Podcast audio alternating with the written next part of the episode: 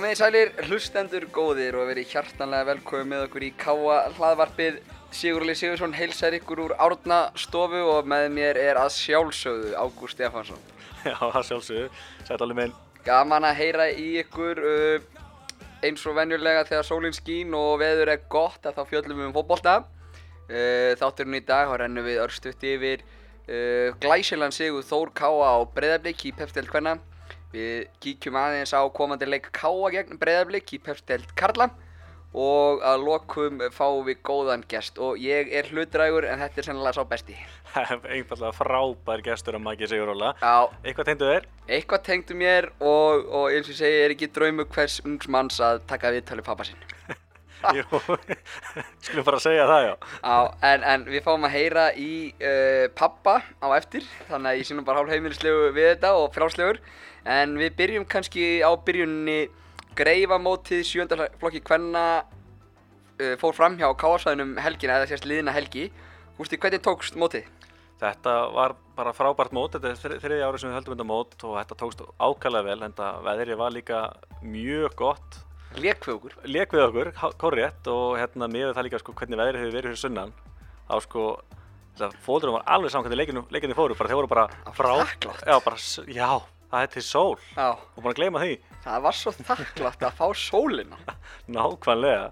En, en, en þetta var bara stórkvæmslega skemmtilegt mót, það voru þarna einhver uh, 34-5 liðið það ekki? Jú, þetta var aðeins minna hefur hef, hef verið á okkur en í staðin var þetta bara ennþá þægilegra. Þetta er náttúrulega fyrsti og annar bekkur, þetta er fyrsta fótbollamótið á mörgum stelpunum og gleðin bara við, við völd og þetta var mjög skemmtilegt og nú snýttist í ennið mótið á okkur sem er náttúrulega sko, því líka alvar að bak við það og það, má ekkert út að bera hjá, hjá strákunum.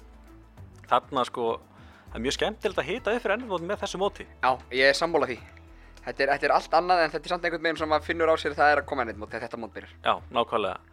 En uh, þá kannski síðan á sunnudeginu þegar mótið okkar var búið um að káa þá var náttúrulega stórleikur út á Þórsvelli þegar Þór Káa tekur á mótið Breiðablik, tvö efstu lið deildarinnar. Já, toppslagur í Pestilegt Kvenna og hérna ég, eins og ég kannski sagði hérna í síðastu viku í podcastinu að ég hafa smá áhyggjur af stelpunum, voru voru tvei leikir í rauð á eins að sigra og, og meðan Breiðarblik búin að líta fáranlega vel út Mm. en því líkt svar frá okkar liði. Já, þær svöruðu öllum þeim gaggrinnisröddum eða gaggrinnisröddum eða þeim áhyggjuröddum sem að hafa verið viðraðar um liðið eftir að hafa fallið á prófunum stjórnum í byggkarnum eftir að hafa gert markalegt jættefli við Selfoss og útíðalli uh, að þá hins vegar svöruðu það kallinu og eru búin að tilla sér aftur á topp deildarinnar og stíja undan breyðblik Já, og, og Val, Valur Já. er líka næsti leik hjá stelpunum, það er útileikundi Val og það, það er bara næsti toppslagur en þessi leikur á mútið Breiðablík var algjörlega til fyrirmyndar. Mér, mér fannst bara að maður valla eftir færi hjá Breiðablík og það er alltaf hafa verið að vaði færum hérna í sumar sko. Sköpuðu sér ekkert. Skupið þess ekki neitt og maður hafði eiginlega mjög litlar áhugjur þó að þetta var mjög gott að fá setja markið því að 1-0 er alltaf erfiði staða. Sandra Maria skoraði bæði mörg okkar stelpuna. Glæsileg mörg, annars skallamark og hitt var mjög vel gert hjá þeim, þeim stöllum Söndru og Söndru já, nákvæmlega Huldurnar tvær lögðu fyrsta markið og, og svo já, Sandra Maria nei, Sandra Meijor mitt ég hérna lagði svo upp setja markið fyrir Sandra Maríu Það er ekki stjórnustælarnir í þessum stelpum okkar því að það voru hérna allan lögadaginn að dæma hjá okkur á stelpumótur í sjönda kvæna sko. Þetta er alveg ekki að tengin hérna á milli. Nákvæmlega, til fyrirmyndar og líka bara mjög gaman líka fyrir ungu stelpunnar að, sjá hérna Íslandsmestarinn að dæma hjá sér. Já. Engi spurning. Uh, það voru nokkið minni spáminn en það voru Sandra Maria og Sandra Meijor og, og fleiri sem hafa komið og dæmdi hjá okkur. Já, nákvæmlega, bara, Að Þetta hefur gert þeim gott. Það er spurning hvort að maður plattar ekki bara til að koma og dæma þetta alltaf daginn fyrir leik. já, Að nóga leikjum allavega. það er nóg að gera þegar ólega ræða dómarum, að ég held að það sé mjög sniðut að fá þær reglulega. Þetta er hann hefð. En þá kannski að kalla liðinu, það er pásan er að klárast Íslandi HM og við uh, ískaldur raunveruleikin í Pepsi-deildinni tekur aftur við á sunnudaginn þegar við fáum breyðarblik heimflótt, sjóðheitlið breyðarblik sem endaði að slá val út úr byggarnum. já breyðablík, maður svona fannst þess að þeir var kannski aðeins fyrir að gefa eftir eftir frábæra byrjun en því líkur sigur á val í síðustu umferð uh, í beikarnum og nú bara þurfum við virkilega að stíga upp, þetta, þetta verður erfiðu leikur. Já, mjög erfiður leikur og, og, og við náttúrulega töpum því að hafa ekki tapað á sérst, við töpum á heimavelli síðustum fyrir móti stjórnunni og, og, og, og, og var náttúrulega búin að gera því skóna að reyna að halda okkur taplausum á heimavelli en, en við verðum hreinlega að sækja stig á móti blikum. Já, helst bara meira, við erum á heimavalli og við, við lítum okkur bara sem bara hörku lið sem við erum og við viljum bara einfallega vinna þessa heimalík okkar. Það er engin spurning og, og það verður mjög fórhóld að sjá hvernig tekst líka til núna sko í eftir HM að svona ofþinga sem fylgir í að fólk er búin að sitja fyrir sama skjáin eða jafnvel ferðast til Úslands og, og horfa á fótbolta á hverjum degi núna gæða fótbolta heimsvistramótun hvernig gengur að fá fólk á völlin það voru rúmlega 400 áhórundur á Þórkáalegnum mútið Breiðblik sem var mjög gott. Það voru, síðan var leikur á mándarskvöldu Þórsvelli, Þór Stjarnan í 16. úrslu byggarsins það voru færri þar en á kvennalegnum og það verður mjög fróðilegt að sjá hvort að okkur tekist ekki að trekja svolítið að á sunnudaginn. Það búið að vera pínu pása og, og góð viðarspá og, og mikilvæg leikur. Já, ég, ég, ég bara neita að trúa því að fólk mæti ekki alveg leik. Ég ætla að, veist, fyrir, fyrir mér háum er, er, er snild og það allt, en mér er alltaf miklu skemmtilega að fara á völlin. Og, það hérna, er bara alltaf nöður upplifun. Og hérna, og þó maður missa kannski einhverjum leiki í riðleikeppninni eða eitthvað svoleiðis, bara, hverjum ekki sama segir ég bara, stiðjum okkar, okkar lið. En það, það verður eitthvað húlumhægi kringum, kringum leikjörn á sunnudaginn, hann alltaf Uh, veit ég að Lemon verður á sínum stað með, með, með hérna sín vagn og það verður njálsbúður opinn og, og þar verður drikkir og þar verður gleði og, og ég veit að viðspáinn eins og ég sagði aðan er góð, það verður 16. hitti og létt skíð. Já, já, og svo náttúrulega alltaf ársmiðið hattrættið og hattrættið fyrir krakkana líka, allir krakkar sem mæta fá númer og fá að taka hérna, víti á Aron Eli í markinu. Nákvæmlega og svo er aldrei að vita nema nema verði eitthvað annað óvænt í, í bókáðunni kringum, kringum þennan, þennan uh, stórleik. Nákvæmlega. Og, og, og svo geti líka hjálpað okkur sko eins og að talaðum fyrir leikinu Ísland-Nígeria sko að hjálpaði Nígeriumönnum að það var 33 stegi hitti sko 34 stegi hitti það áttur að hjálpa okkur náttúrulega við erum vanir þessu 16-17 gráðum En, en blikandir eru að koma náttúrulega á borginni og þeir hafa ekki eftir meirinn 8 gráðum frá því bara þeir æfðu inn í fífu í vettur. Þetta er alltaf hárrétt hjá það sér alveg með. Já, það er spurning hvernig blikandir þóla það að spila í smitta. Og mjög líklegt að þið viljið fá vasspásar inn, inn á milli. Já, ég veit að Viljórum al alvar FIFA-dómari verður að dæma hann leik. Það er spurning hvort hann þurfum að hafa varan á og hafa vasspásu fyrir leikum breðabliks.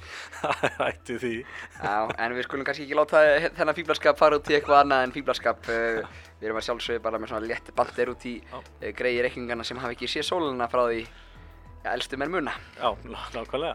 En uh, hvað sem því líður að þá stýttist í að hann komi hérna, gestur góður og, og, og, og ætlar að, að spjalla við okkur.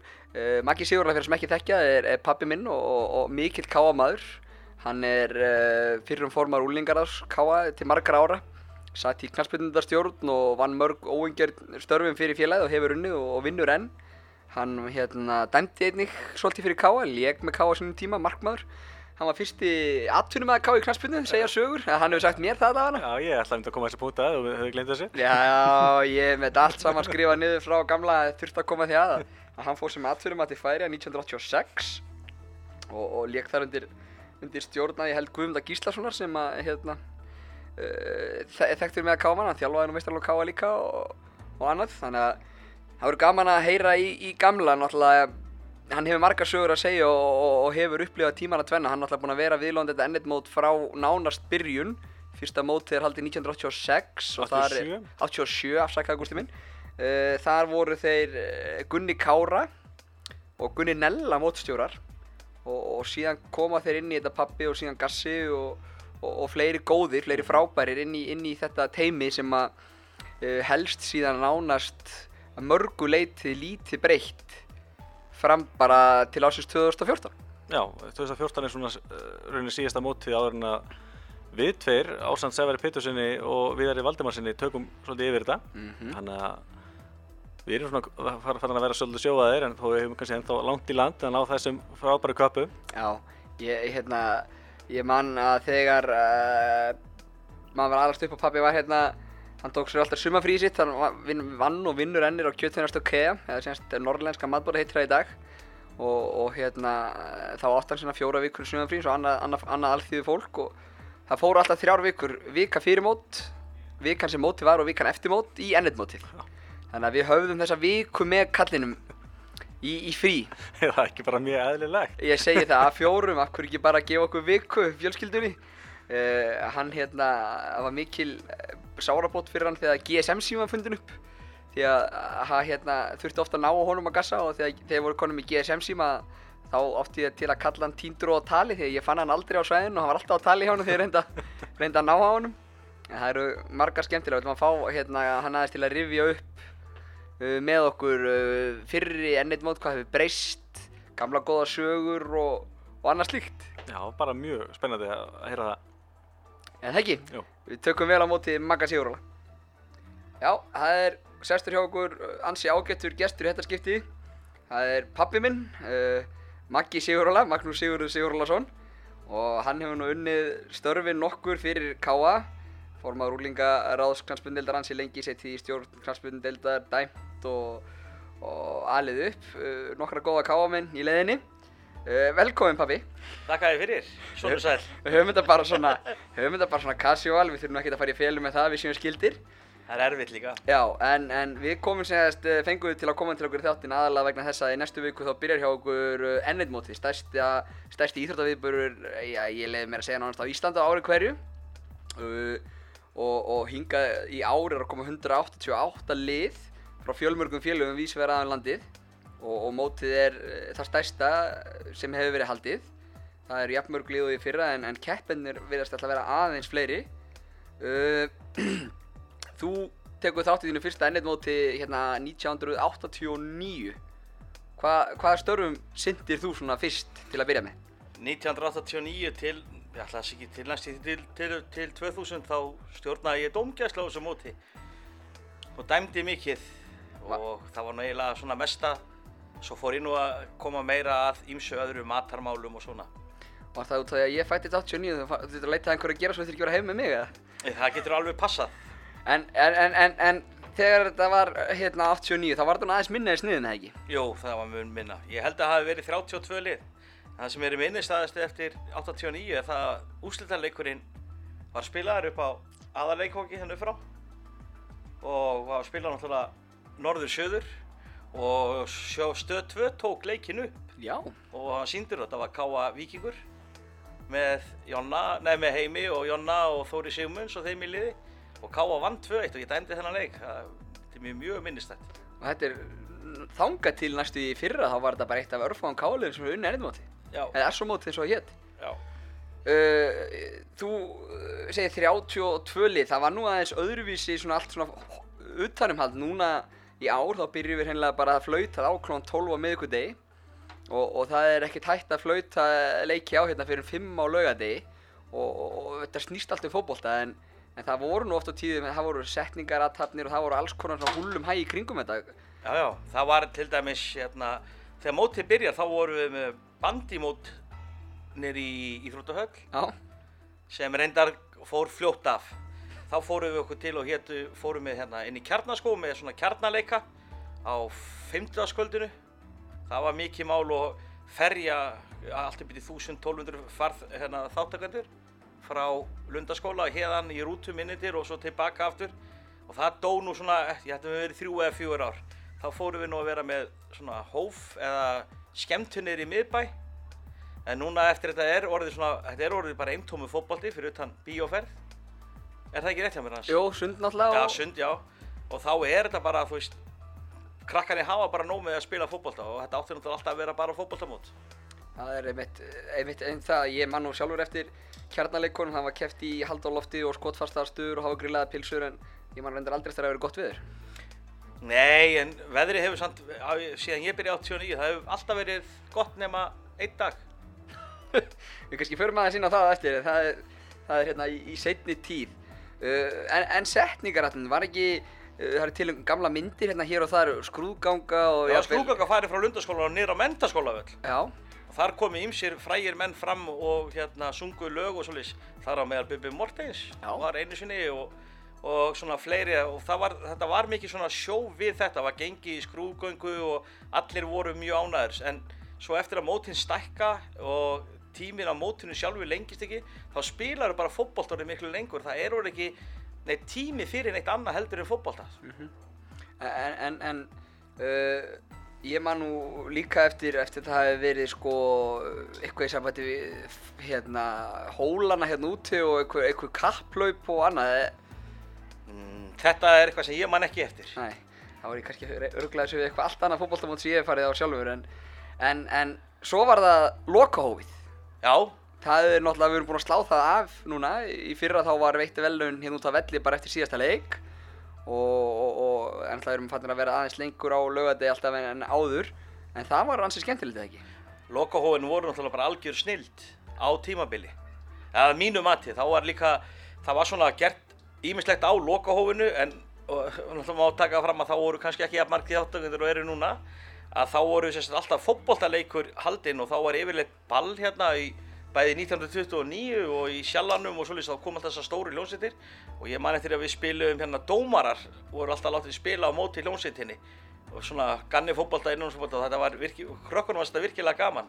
Bæði Sálana Sjónsmins og síðan skinn Sól og líka loðin Rotta var einu sinni hérna en það var mjög góð hljómsveit en það var ekki margi muni eftir henni Nei. en þetta var svona í tengingu við þetta laugardaskvöld og hérna svo leiðu fótballtaleikunum að búin þá kom allir sjálfbáðarleiður og sett upp stólana og borðin og, og hérna sviðið og svo voru veitt velun en þetta var bara batsins tíma vorðið Já, maður sæði það einmitt í dag gerast að dundur upp sviði á, á, á nokkrum mínútum hann rétt fyrir lokahóf. En e, þessi fótballtaleikir á móti Sálinni og, og, og SS Sól og fleirum voru einhverjir sem heldur með dómarunum með? Það voru ekki margir. Það voru þá aðalega síni mínir tveir. Ég man að þeir fengur nú stundum að vera á bekknu hjá okkur. En þetta voru ekki margir sem heldur með dómurunum. En við reyndum nú að svindla líka og tókum bolta með höndum en það var ekki til að dæma þá. En, en, en þetta var mjög gaman. Þetta var bara svona sprell. Og á þínu tíma eh, hérna í kringum mótstjórnuna og þetta, þá líka áttu, áttu við það til að flytja inn svona hérna ímsu skemmtikrafta og jafnvel dómara og er einhver eftirminnilegir? Hvað hétt hann aftur hana sem kom á, það var ekki hana englendingunni sem kom á dæmdi hérna? Dermot Gallagher? Já, derma, já. Svo kom hérna nú, hann dæmdi nú hérna einhvern tíman líka hérna kom einn svartur dómari frá Englandi, ég man ekki hvað hann heitir einn af þeim fáu svörtu dómurinn sem hann náði árangri í Englandi, hann kom inn og dæmdi einu sinni en auðvitað voru við metnaðafullir á þessum árum en svo sagt, er ekki að segja að því sé ekki metnaðafull í dag en málið er að hérna þegar við vorum að flytja inn alla bestu og við vorum hérna með alla FIFA dómara á frá því klukkan fjögur á föstudegi og út laugadaginn og alla bestu dómari sem við gátum fengið. Við vorum yfir, en svo náttúrulega byggist þetta á því að við gátum aldrei fengið gisting voru fyrir það og þá var farið að fljúa um á laugardagsmotni hérna, og, og, en, en þetta lifti mótun á herra plan að mínu mati en það var líka oft sagt hérna að dómgæslan væri allt öðru sig á laugadegi heldur en á hinnum en samt sem áður þá er ákveðin virðing fyrir dómar að fá að dæma svona móti og mér finnst persónlega að allir dómarar sem hérna eru að dæma á Íslandi eiga sækist eftir að dæma á enninu mótinu. Nú náttúrulega hefur landstæði líka breyst hvað það varðar að það er náttúrulega deildakeppni í fjórðu deild, þriðu deild, annari deild, uh, Pepsi deild og fyrstu deild og svo eru konað þrjári hvenna. Dómarindir eru oft ekki lausir á þessum helgum eins og kannski áður var. Nei, nei, en það var þannig að ég man eftir því að sko allir dómarar hérna í knastmyndómulega fyrir að Norðurlands til dæmis, þeir voru bara með afbóðun á dómarum frá því á mikudegi og fram á sunnudag. Þannig að hérna þeir komu og stóðu sér mjög vel og voru að dæma hérna og, og hérna þáðu náttúrulega alveg svimandi há laun fyrir það að dæma hérna, þeir fengu eina grillvislu. Þannig að hérna, en þetta var, en svo náttúrulega er KSI náttúrulega orðið með það marga leiki að það er erfitt að ætlast til þess að allir dómar að koma yngað. En svo komu nú líka einhverjur, ég man eftir að kom Rob Walters kom hérna sem var heimsmeistari í hald á lofti. Hann kom að tvísvar, Já, það var mjög gaman. já. Og hann hefur þá, þetta hefur þá verið allt svona í tengslu við utanum umgjörðin á svona Já. fyrir utan fótbolta. Þetta er allt saman gert í, í samráði við N1 eða SO eins og ég held nú að það hafi heitið SO mótið mér þegar Rob Voltins kom sko. Já. Þannig að það var mjög gaman og þá síndi hann listir inn í sala á lokahófi Mhm. og var líka hérna á svæðinu. Svo hafa nú landslismenn okkar verið að koma hérna, var ekki hérna Birki Bjarnæðinni fyrra og Aron. Já. Þeir hafa verið að koma einhver og það er mjög gaman og, og sérstaklega fyrir krakkana. Uh, ef við snúum okkur svona að, að dómgæslinu á mótinu, ég veit að þú á, lumar á, á nokkru skemmtilegum sögum af, af dómgæslinu, Ég- svona bæði utanumhaldin í kringum þetta í, fyrir svona hlustendur í dag að þá er þetta þannig skipt að við erum með 12 velli og við, ætlum, við erum ekki að pína neitt, það eru kannski hver dómari fyrir út og af öll og tek, dæmi þrjá leiki í röð sem stendur í 90 mínútur og dæmir kemur svo inn og fær sér samlóku og svala og, eða kaffibólla og fer svo kannski aftur út og dæmir annan einn skamt og svo er hann farin heim Þetta týðkast ekki í gamla dag. Nei, þetta tíðkaði ekki í gamla daga. Já, ég man eftir því hérna, það er alltaf margt sem ég man eftir, en ég man eftir því hérna, nú ekki hvað árið það var samt, en þá voru átta vellir og þá voru átta dómara sem dæmdu á átta völlum og þeir dæmdu allan daginn frá því morgunin og þá til setna, þá til de deginum bara lauk og svo fara í pottin og, og fengi sér kannski eitt kaldan en eitthvað svo leiðis og, og svo var bara næsti dagur. Og þá var þetta þannig að við vorum eitt marg þá í móstjórn og þá var þetta þannig að ég sá um niður um dómara líka. Þannig að ég hljóp, ég fekk nú alltaf þann heiður að vera bara hérna við hliðin á húsin okkar og ég hljóp alltaf inn til þess að hérna ná í næstu spjöld Já. og skrifa á spjöldi sjálfur til að koma út. Þannig að það var mikið. En það er náttúrulega til saga til þess að steppa vini mínum aðeins sem er sennilega en skemmtilegsta saga sem við getum kannski sagt frá á þessu ennumóti. að hún er svona að hérna, þá vorum við með átta velli hérna á Káasvæðinu og þurftu níunda völlin voru mikið að veltaði fyrir okkur setja hjá Lundaskóla, vestan við Lundaskóla, en það var svo talið að væri óslétt að við fórum eitt völl niður á mentaskóla á föstudeginum. Og það var bara ákveðið það að steppi aðastins færi niður til á föstudeginum og hérna myndi dæma þar, sem hann og gerði. Svo er bara líður allur föstudagurinn og svo er móti búið hérna og við þessi átta sem voru hér, við vorum hvandur í pottin og skildum svo ekkert í því að það vantaði einn okkar. Svo við fórum eitthvað veltaði fyrir okkur hvar Stefán væri og svo líður svona einn og hálfu klukkutíma og kemur Steppi lóksins og við spurðum hann hvar, hvar í óskopan hefði verið. Þá sagði hann bara væri búinn að vera dæmarinn á mennskólavelli og hann hefði bara farið með eitt bolta og boltinn hefði oft farið hún í listigarð og svo hefði þurft að taka pásur og enginn hefði gerið sér að drekka þannig að hann hefði hlaupið upp í hérna strax byggðavegi til að fá sér að borða þannig að hann gleymdist þetta nifra á. En eftir það þá fórum við aldrei inn á mennskólavelli aftur til þess að hafa mótið þar. En hérna, já, þú talaði um lundarskóla, hafa hann einhvern veginn spilað á lundarskóla Já, líka við ekki? spilum einu svona lundaskóla. Nei, ek, nei, það stóð nú reynda til þarna e- eitt árið en sem betur fer það eiðilegur sjarman á mótinu að fara af svæðinu. Þess vegna völdum við hérna eftir mentaskóla árið þá völdum við frekar lundaskóla.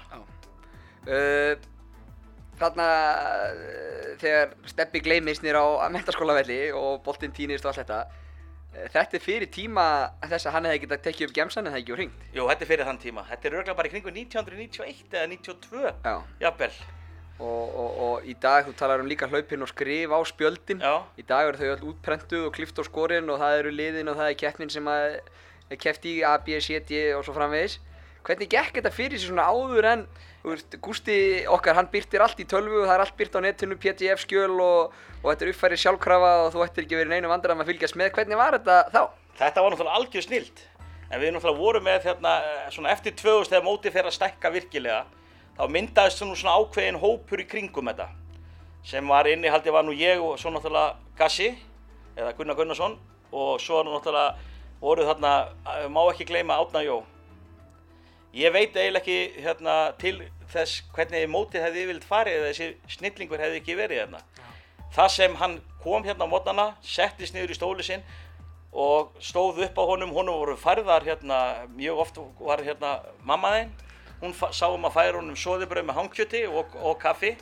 Og besta sem hann fekk það var þegar við ákveðum það að koma með einu sinni með kennarastól úr lundaskóla, annars satt hann bara á vonda kollinu og var alltaf að drepast í bakkinu, en há var þetta þannig hann fyllti út í tölvuna sína svo fór hann út hérna fram í andiri og skrifaði öll úslitin upp á blöð sem voru hérna á hurðinni og þvílík vinna sem var á bak við þetta Já. en svo náttúrulega kom hann með þess að var nú eitthvað að setja út að ég var alltaf að skrifa þessi helvis dómaraspjöld og sagði að þetta væri ekkert vandamál þannig að hann fór að prenta þetta út og mikil að þeirri tækni þróun sem varði í kringum mótið er honum að þakka Já, akkurat.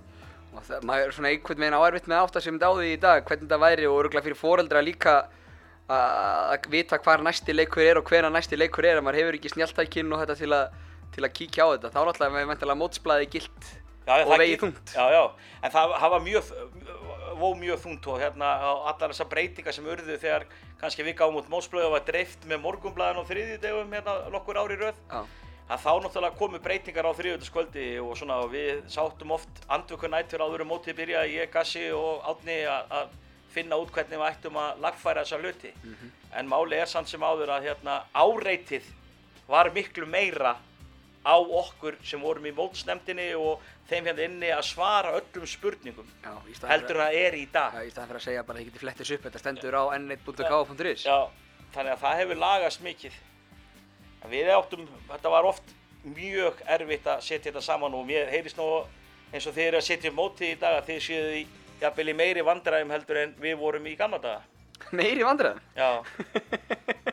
Já, mi- já miða við það að hérna, auðvitað var það alltaf vestamáli að fá þessi 24 eða 28 lið í aðliðunum. Mm. Og mér sýnist á mótun ykkar í dag þá séu þið meiri vandræðum. Við fengum þá allavega kannski vantaði bara eitt eða tvö lið í aðliða keppni til þess að Já. spila mótið eins og mótið hefur verið spilað og ég hlakka til að sjá hvernig mótið spilast hjá ykkur núna sko. Já, já.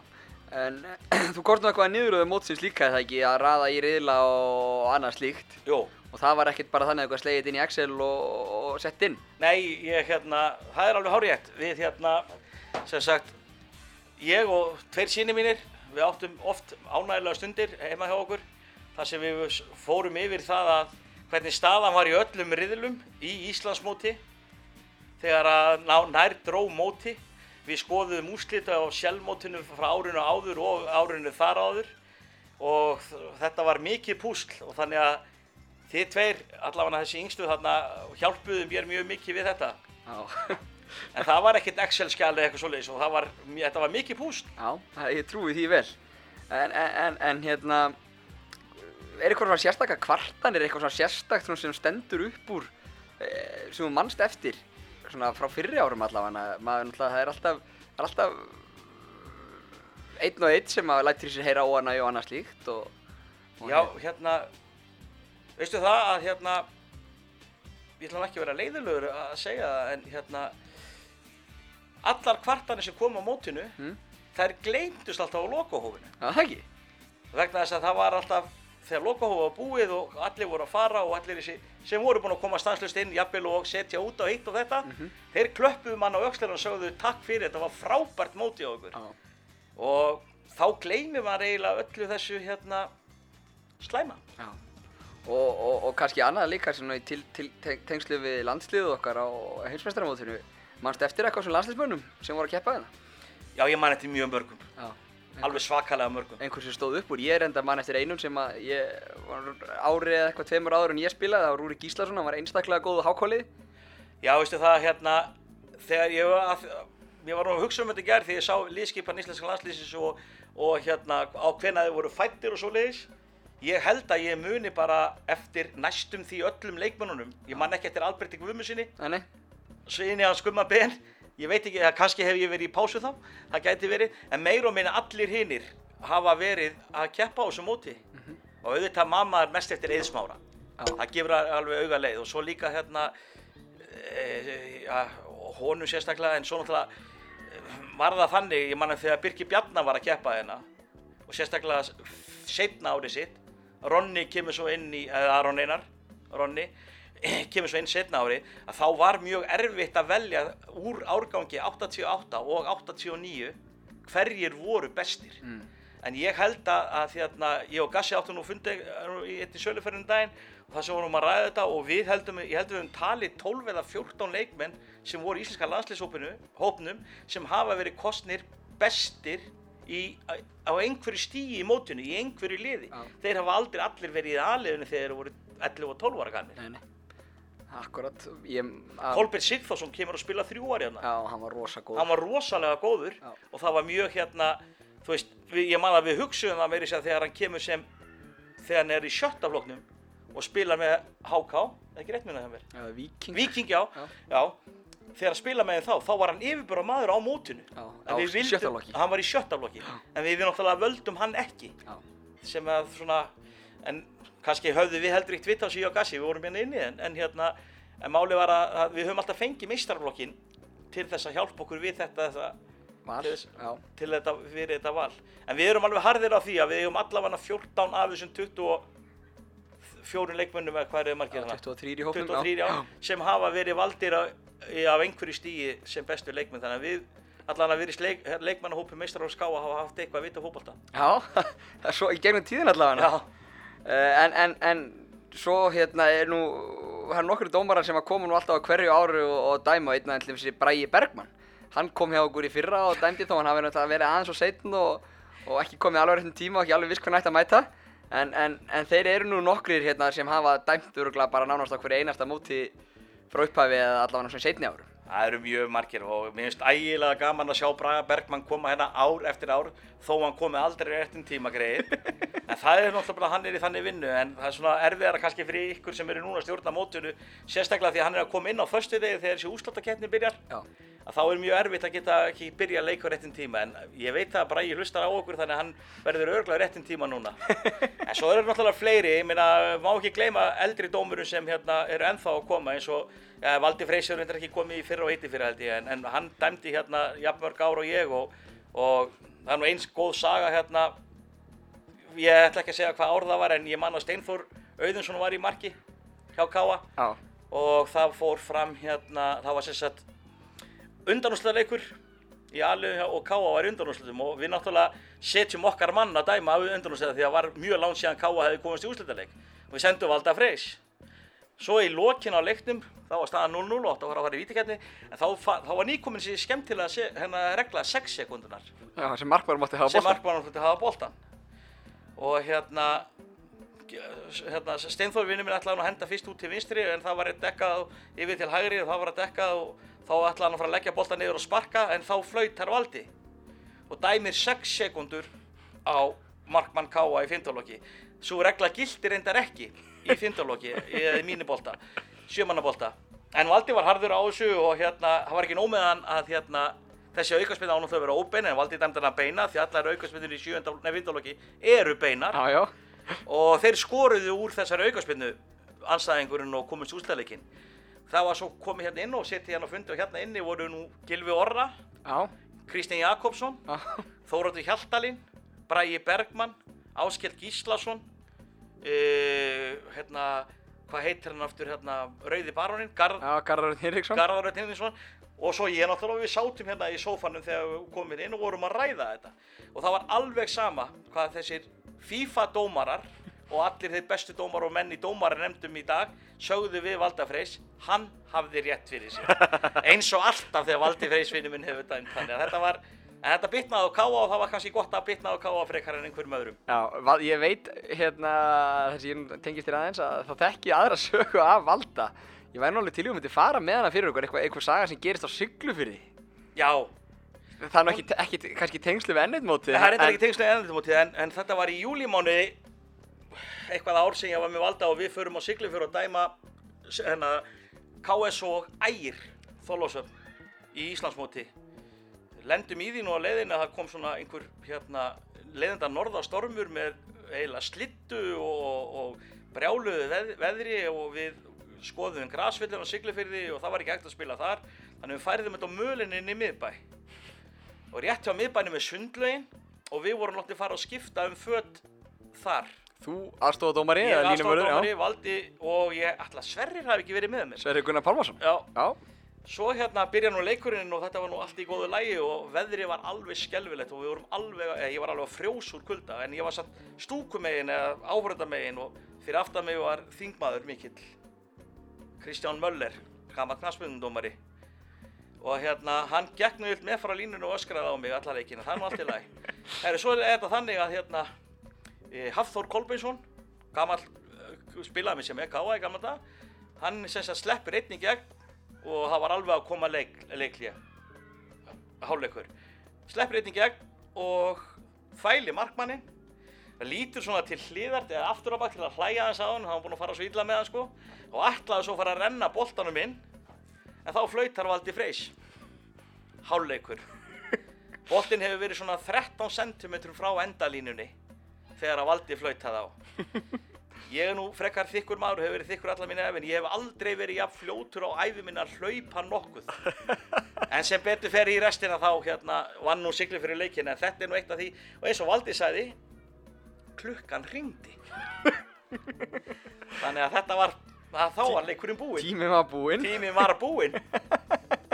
Þetta var þetta er góð saga valda vinnu mínum. Já, ég, þeir eru, eru nokkra góða sögurnar á dómurinn. Ég man nú eftir einu hérna hjá Sverri Pálma, einmitt á ennitmóturinn þar sem hann beitti öfum hagnaði þegar hann dæmdi, var vítaspilna og, og ég man ekki hvaða liða, hvaða liða voru en strákurinn tók spilnuna og skoraði en Sverri laði þann endakar spilnuna því að markmaðurinn fór af endalínunni. Þrátt fyrir að það, náttúrulega að fara af endalínunni þetta hagnast markmanninu. já, já, akkurat En spyrna var endur tekjum og strákurinn klikkaði.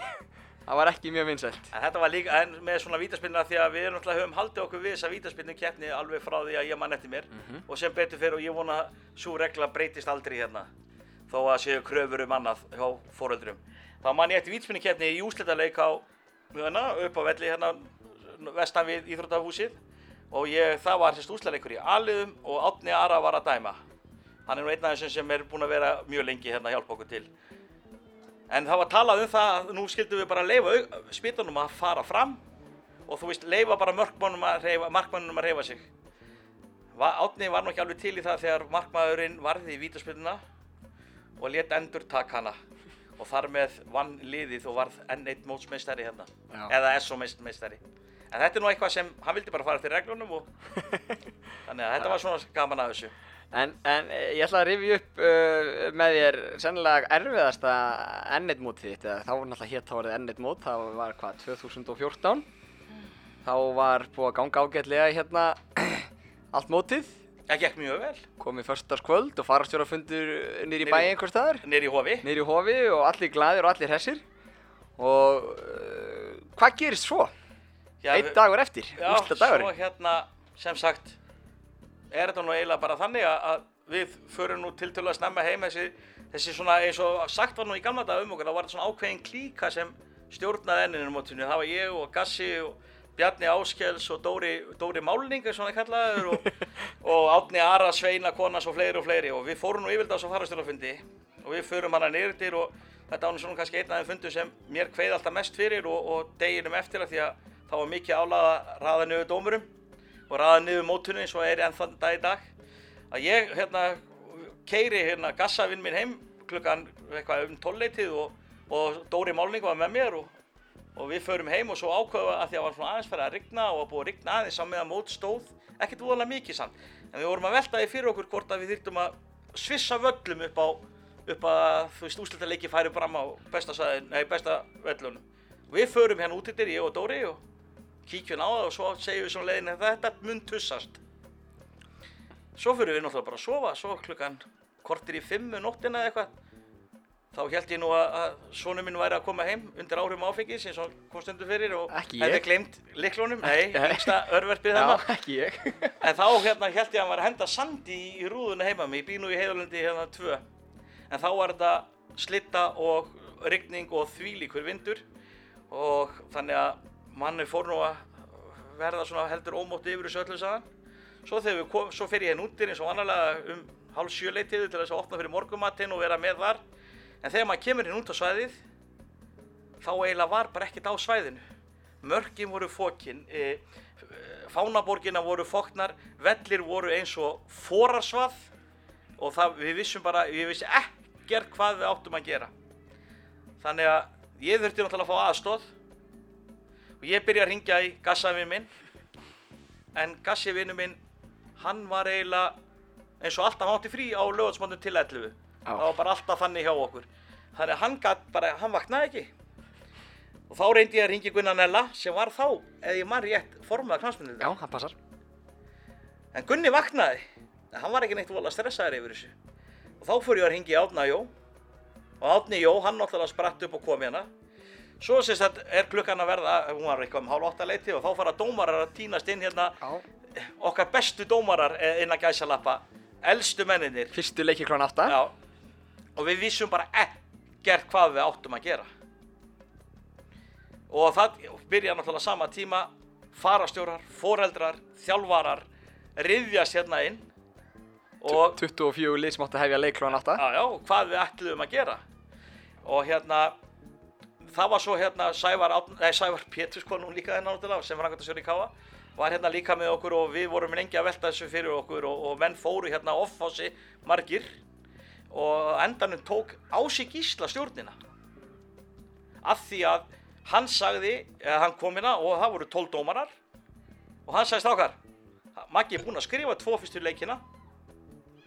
Nú förum við út dæmum þessar tvo fyrstu, tvær fyrstu umferðinnar og leifum þeim að klára málið. Og með það fóru allir og þetta voru sem betur fer allir voru fullorðin eins og er alltaf klukkan 8 á lögatarsmótinu þá er yfirleitt allir fullorðnir að dæma hérna. Og þá fengum við smá tíma og endurinn var sá að við endurröðuðum mótinu. Sum, uh, allir fengu einn leik þennan dag sem betur fyrir fyrir suma. Á gerðu græsinu. Já, og eftir, sem sagt, e- frá og með háti, ef ég maður rétt, þá voru bara spilar á þrem öllum hérna á gerðugarsinu, þess að hitt var bara orðið gjörsamlega ónýtt. Ég, ég man einmitt eftir, ég var Þú þjálfari varst þjálfari Já, og ég átti fyrsta leiklan átta með KA5 eða eitthvað hérna. Og við spiluðum hérna vestan við Íþróttahúsið á velli, lendum við vítaspilnum getið til 0-0 leik og Mhm. og ég og, ég man ekki hvað dæmdi leikin, það var eitthvað fullon. Við færiðum marki svo við getum tekið spyrnundar því að það var bara pollur í tegnum. En þetta er sennilega eh, svona einna skemmtilegustu, en að sama mati er það náttúrulega, þetta er erfiðasti dagur. Og sérstaklega að hérna, að fá alla inn og allir voru öskra og allir, ekki öskra, heldur krefja svara og svo leiðis. Og kom svo Gassi bara brosandi með það? Já, það endaði þannig að hérna, þegar hann var búið að ákvaða hvað ætti að gera um hálf tíu leiti þegar þriðja umfyrir átt að byrja þá var eiginlega, kom, voru komin á niðuröðun og það væri þá bara ég og Átni sem tókum þessa ákvörðun hvernig við ætluðum að gera þetta Já. og hérna þá hafði Sævar Pétursson miklar áhyggjur af mér að hann fannst eins og ég væri jafnvel að kveðja þetta líf. Svo hann let mig hafa líkil að bílnum hérna og sagði mér að fara heim til Gassa og vekja Gassa. Og þá svo Gassi myndi nú kannski koma og sjá hvað væri um að vera hérna. Þannig að ég rendi þá heim til Gassa og ég get hérna og, ég hef nú sjaldan séð Gassa vinn minn vera jafn snöggan og fættur og, og vera með jafn mikinn móra en að hafa ekki haft hljóð á símanu sínum þetta, þetta, Þetta tókst, þetta reddaðist Já. og ég veit að þeir sem spiluðu hérna 2014 þeim fannst þetta æðislegt Já, já, já. þó að fóreldrarna finnst þetta ekki æðislegt en það skiptir kannski ekki jafn miklu málu á krökkunum Nei, það er nefnilega málið að það er, það var engin eftir keppmyndunum hvernig veðrið var, það er alla fóröldarnir sem að pæla í veðrinu. En, en það er bara svoleiðis. En, en segðu mér svo annað svona fyrst að ég hefði svona í, í podcastinu.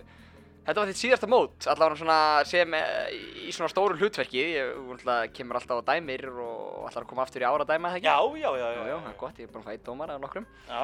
Að sakna þess að geta vera með? Jú, ég geri það en málið er samt að ég held ég sé bara búin að finna það út núna að það er fínt að koma og dæma bara Já.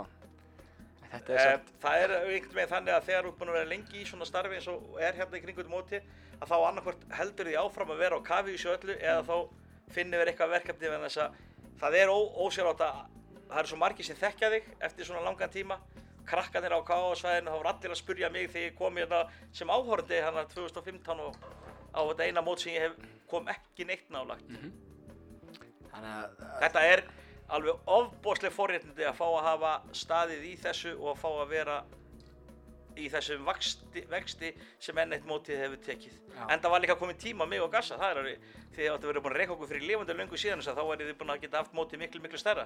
Við sáum ekki þessa lausn sem þið sjáuð í dag. Þetta er þið miklu meira menntæri en ég og Gassi.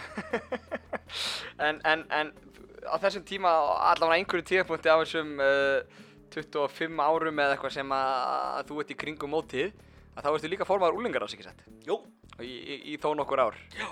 Eh, hvernig finnst þið þá að bera saman það starfs þegar þú varst formaður úlingar ás og hvernig úlingarstarfi var þá og hvernig það er í dag? úlingastæri var miklu auðvöldar. Já, já. Það var miklu færri.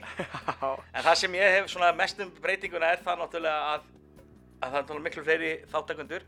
Ég held að fóraldra séu jafnvel miklu aktífari heldur um voru í gamla daga, ekki að kvarti við þeim.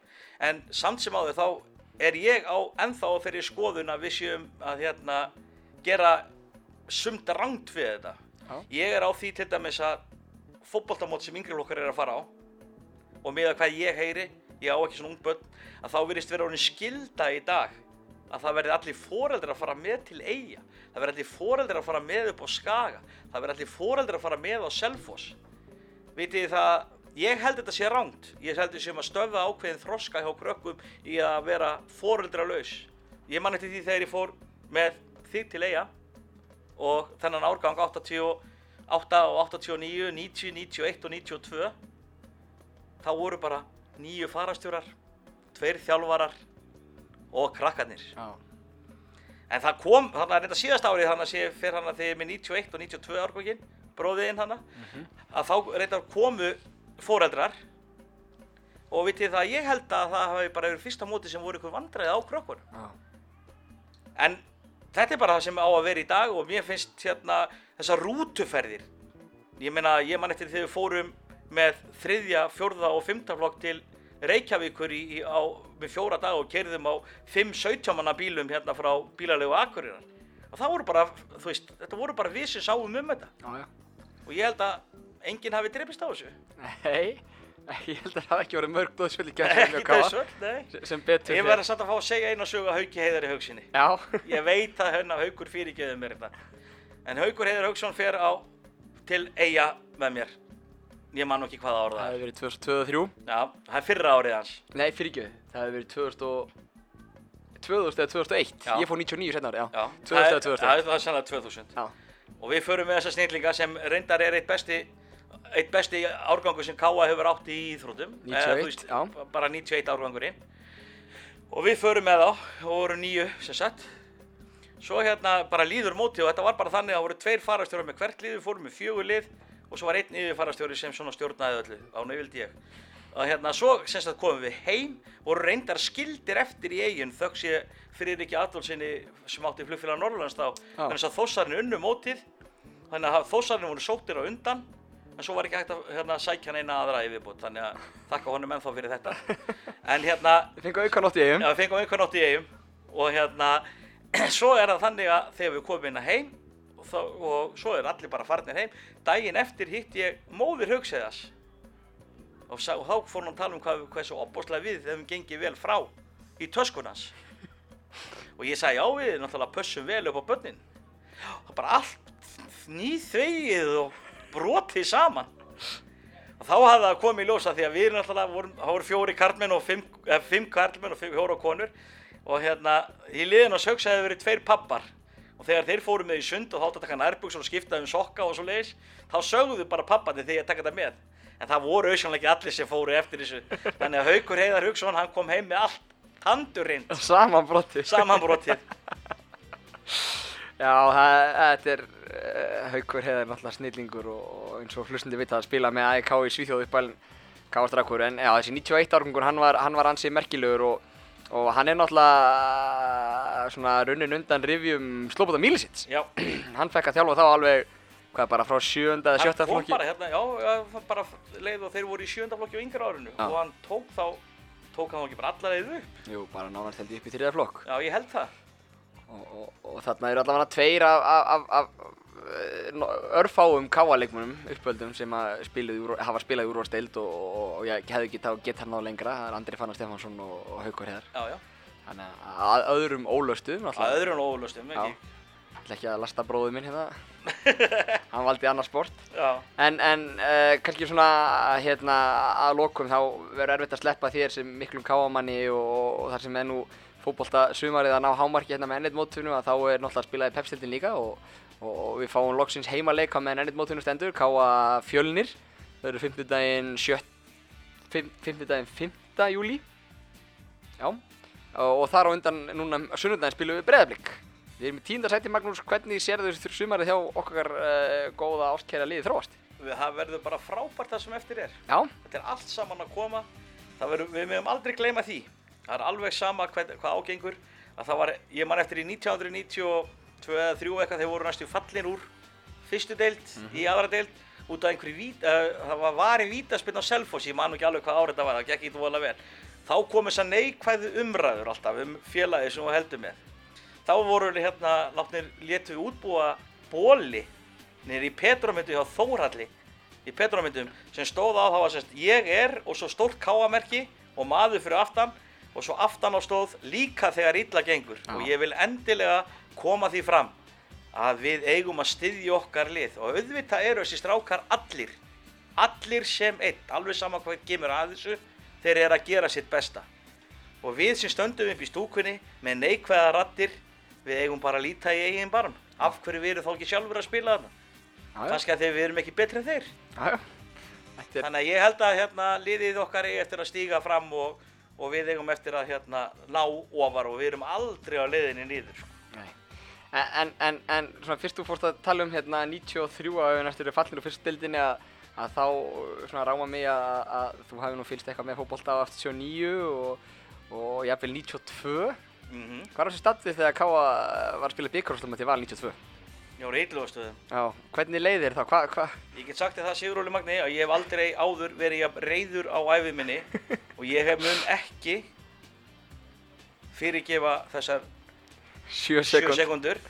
Sko, bursið frá því hvort það voru 7 sekundur eða ekki sem voru eftir þegar að Valur gerir þetta að þá skiptir það bara engum máli, það er bara engin heilbriðu maður sem kemur fram og segir þessi 7 sekundur eftir að leik þegar mark er skorað.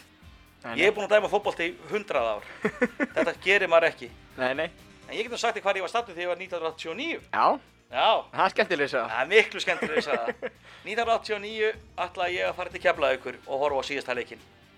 Þú varst nú nýfættur, eða tiltöluða, þryggja fjara mánuða eða eitthvað. Það tveggja það þryggja mánuða, já. Já, ok. Og hérna, já, ég man ekkert eftir þessi, ég var bara að vinna. Og hérna Leifur Ægisson sem var fórstuðum af kjöttinnastöða KEA á þessum árum, hann bað mig að hérna að grilla pilsur á bílasýningu á Höldur. Hennar laugardag og hennar sunnudag. Og ég átti nú ekki ég átti miklu alltaf mikla peninga þannig að það var nú svona ákveði hjá mér og móðinni að ég skildi taka þessa vinnu að mér. Þannig að ég sem við leif að ég skildi grilla pilsur á hérna laugardeginum frá 11 og svo þegar Káa væri orðin Íslandsmeistari þá myndi ég hætta og fara að fagna með þeim og ég fengi borgaðan sunnudaginn. Svo hérna var nú á sama tíma að spila hérna Ía og Þór, hann upp á Akureyvelli. Já.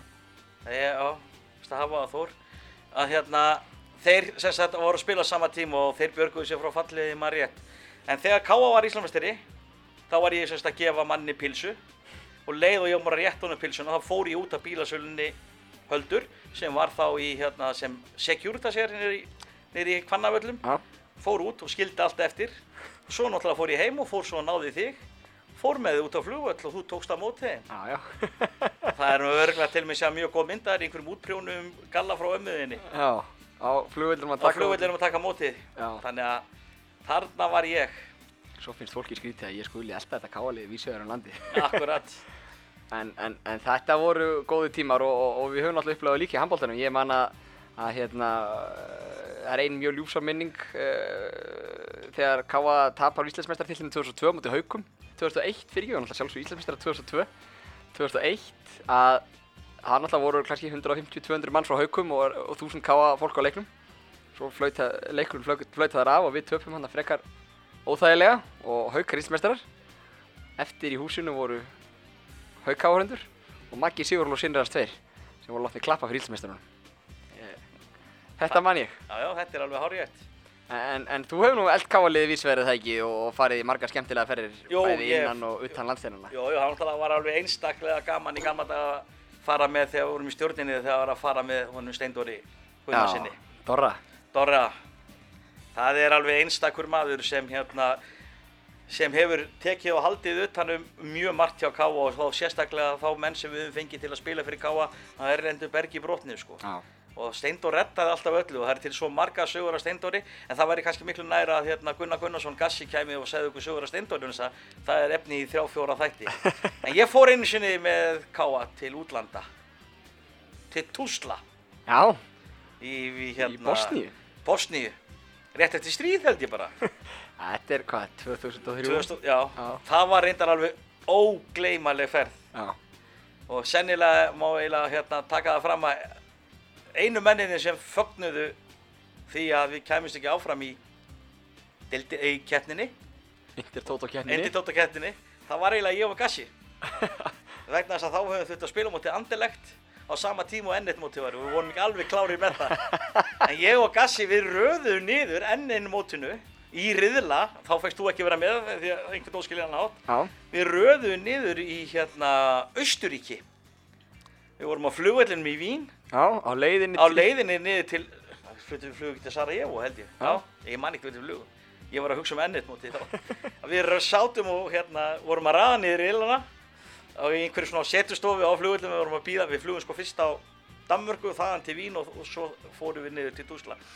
En hérna, þar röðum við niður í rilla og hérna hringdum svo í Átna Jó frá, frá Vín til þess að segja honum hvernig riðlarnir voru. Það var ekkert neitt meira til heldur en þetta Það var ekkert að senda- að gamla góða tölvupústi Nei, það var eða, þú veist allavega að við náðum ekki sambandi allavega, þetta var það sem við gerðum þá. Og það mátti einhver muna að hérna, að við mistum af flugvílinni vennig þess að Gassi hefði einhvern óskiljan hátt gefið okkur rángan tíma þannig að til dæmis núverandi formaður knastmyndeildar Hjóra Maronsson. aha, ásamt ég held að haf, ég man ekki hvað með hann þannig ég vil ekki segja upp þeir voru nýfarnir að vesla í fríhjöfninni í Vín þegar allt einu fattast að við áttum að vera komin að hliðinu eftir 15 minntur og þar var ekki tægt að ringja neitt í einhvern til þess að leita manninu þannig að það var sett við þurftum að hlaupa út um allt og leita hjörværi þá var hann bara að kaupa sér kaupa alveg öruglega falleg undirfuttenda konu sinni eða eitthvað.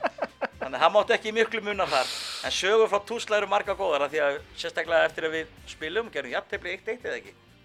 Úti. Jú, jú, við gerum til úti. Já, og svo fór 1-1 inn að heima og Já. já. Og hérna þá var náttúrulega að leifa strákunum að fara út.